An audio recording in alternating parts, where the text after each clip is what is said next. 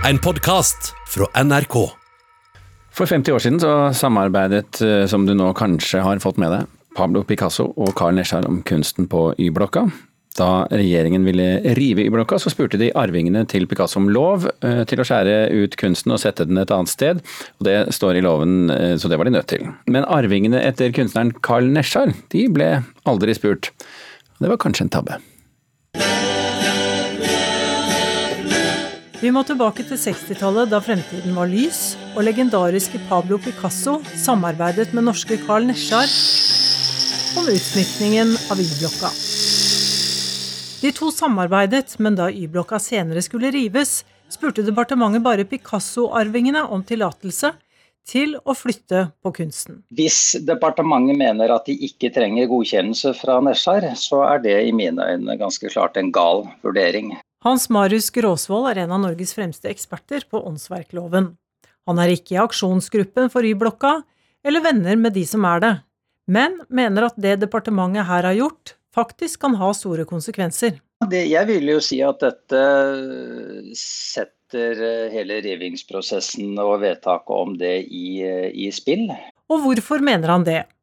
Jo, det å redde og plassere om kunsten var viktig for at departementet skulle få tillatelse til å rive Y-blokka. Men hvis arvingene til Carl Nesjar skulle vært spurt, så kan vedtaket være ugyldig, mener Gråsvold. Og arvingene selv har varslet søksmål. Det er jo et helt uh, generelt forvaltningsrettslig prinsipp at hvis et vedtak er fattet på feil faktum eller på feil, uh, feil formelt grunnlag, så, uh, så er det ugyldig. Ja, hvis det skulle vise seg at uh, vi har feiltolket jussen, så vil det jo være slik at uh, Y-blokken likevel må eh, rives. Sier Nikolai Astrup, kommunalminister. De har hatt alle muligheter til å fremme dette kravet tidligere, og så kommer de da nå i 13. time med et slikt krav når rivingen er underveis.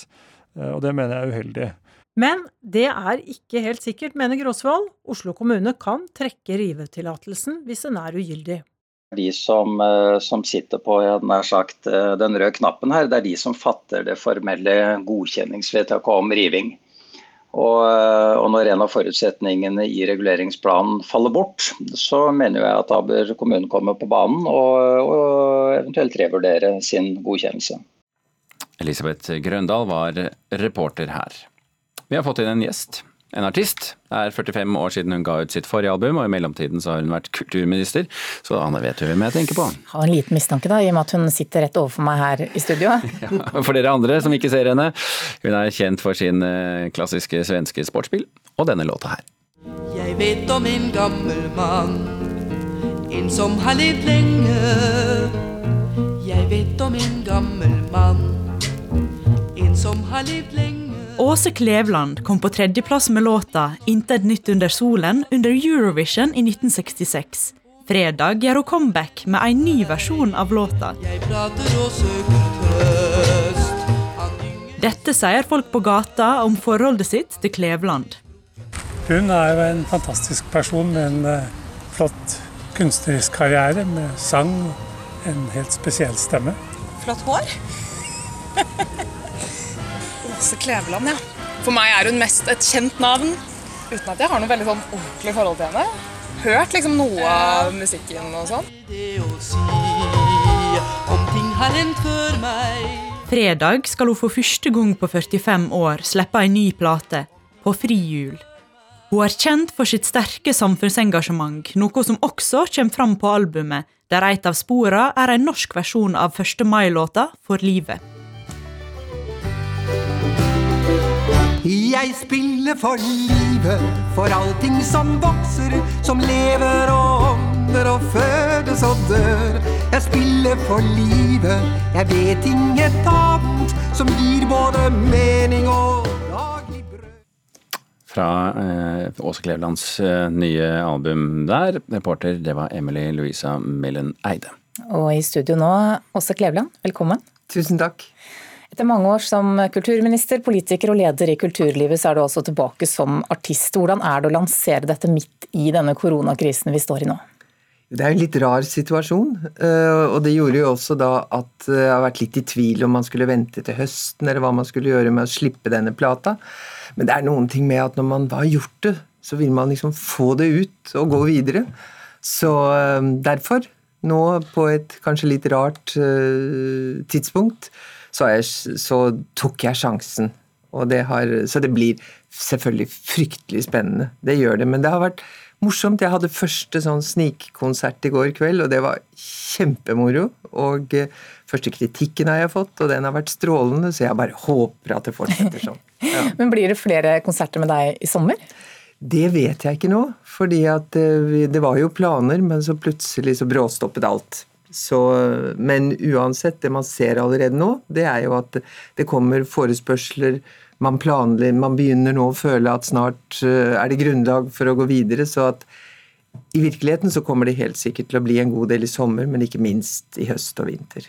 Men Hva er grunnen til at du nå da etter 45 år eh, mm. ønsker å bruke tiden din som artist igjen? Ja, av forskjellige grunner så, så eh, kom jeg til et sånt punkt i livet i forbindelse med sykdom og i forbindelse med mye annet som gjorde at jeg eh, stirret inn i min krystallkule og fant ut at eh, ja, Spurte meg selv hva jeg skulle gjøre de resterende årene av livet. Nei, årene.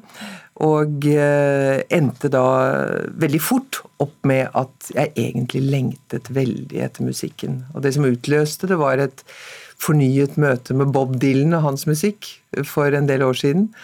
Og eh, derfor så har det også blitt en plate som er en blanding av det er noen sånne musikalske stolper i livet mitt som er med, og så er det en god del nytt stoff og nye oversettelser. Så det er en det er en eh, jeg skal ikke si salig blanding, men det er i hvert fall en veldig musikalsk blanding. Mm, hva i musikken er det du har lengtet etter? Ja, det jeg merket når jeg for en åtte år siden var med, ble trukket inn i Bob Dylans 70-årsjubileum eh, ja, Bob var ikke med, da, men eh, alle vi andre som elsker ham.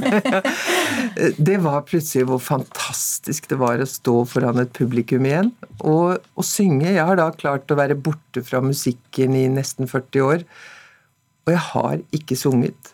Og jeg har ikke spilt, så jeg begynte faktisk Jeg, måtte, jeg satte meg ned, og så satt jeg i flytårnet på Fornebu en hel høst, og så sang jeg meg gjennom alt stoff jeg hadde da jobbet med. Det meste var jo på 60- og 70-tallet.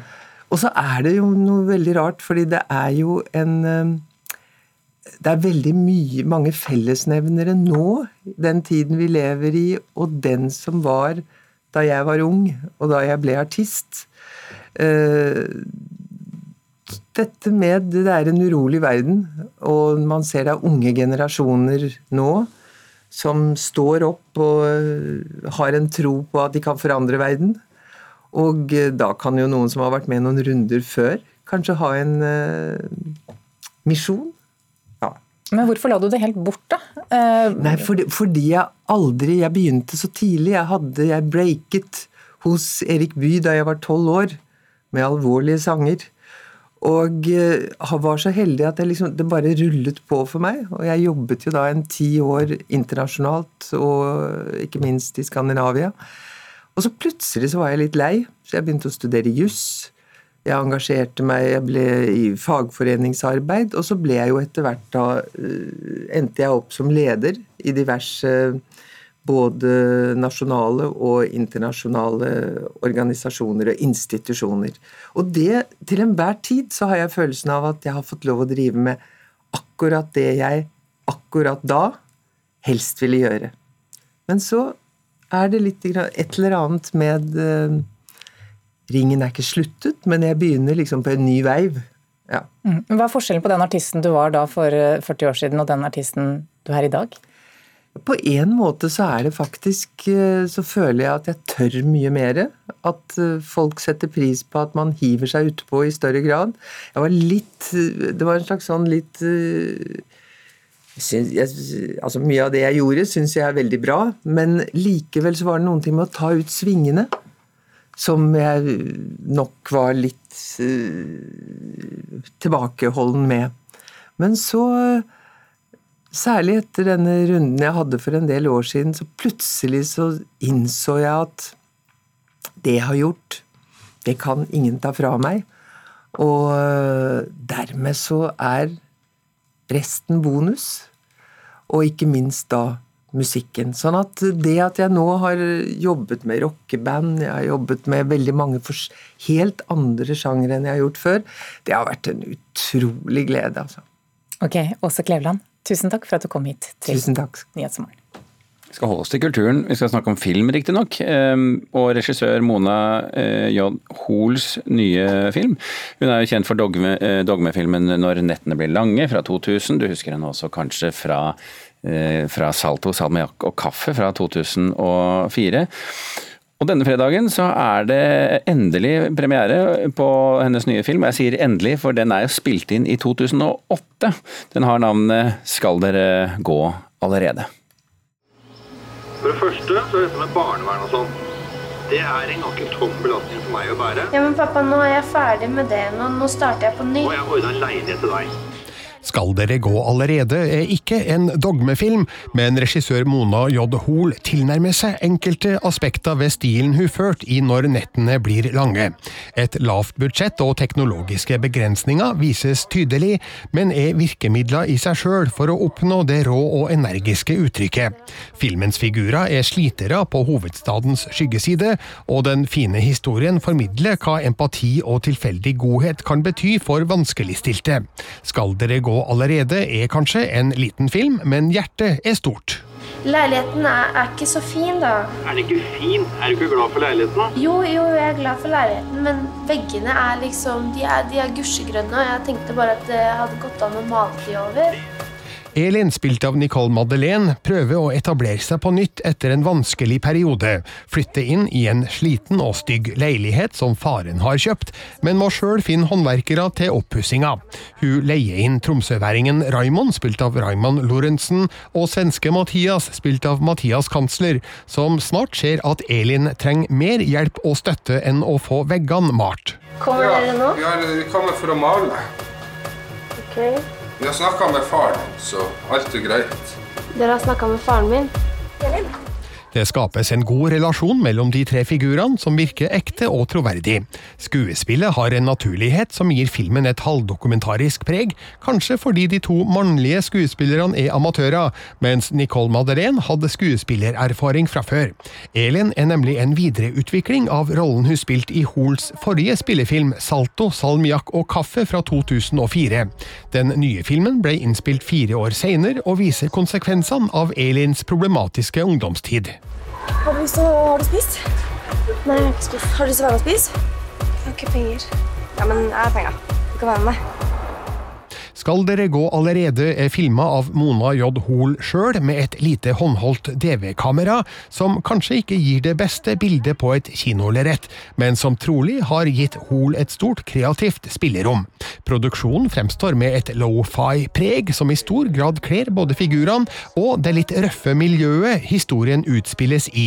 Skal dere gå allerede er kanskje uvanlig skranglete i form og uttrykk, men har sjarmerende trekk som gjør den til en positiv opplevelse opplevelse som fortjener en plass på kinoprogrammet. En ting må dere huske på at dere er malerne mine, ikke foreldrene mine, ok? Terningkast fire. Skal dere gå allerede? Det, det er filmen som har premiere i morgen, og den ble anmeldt av Birger Vestmo.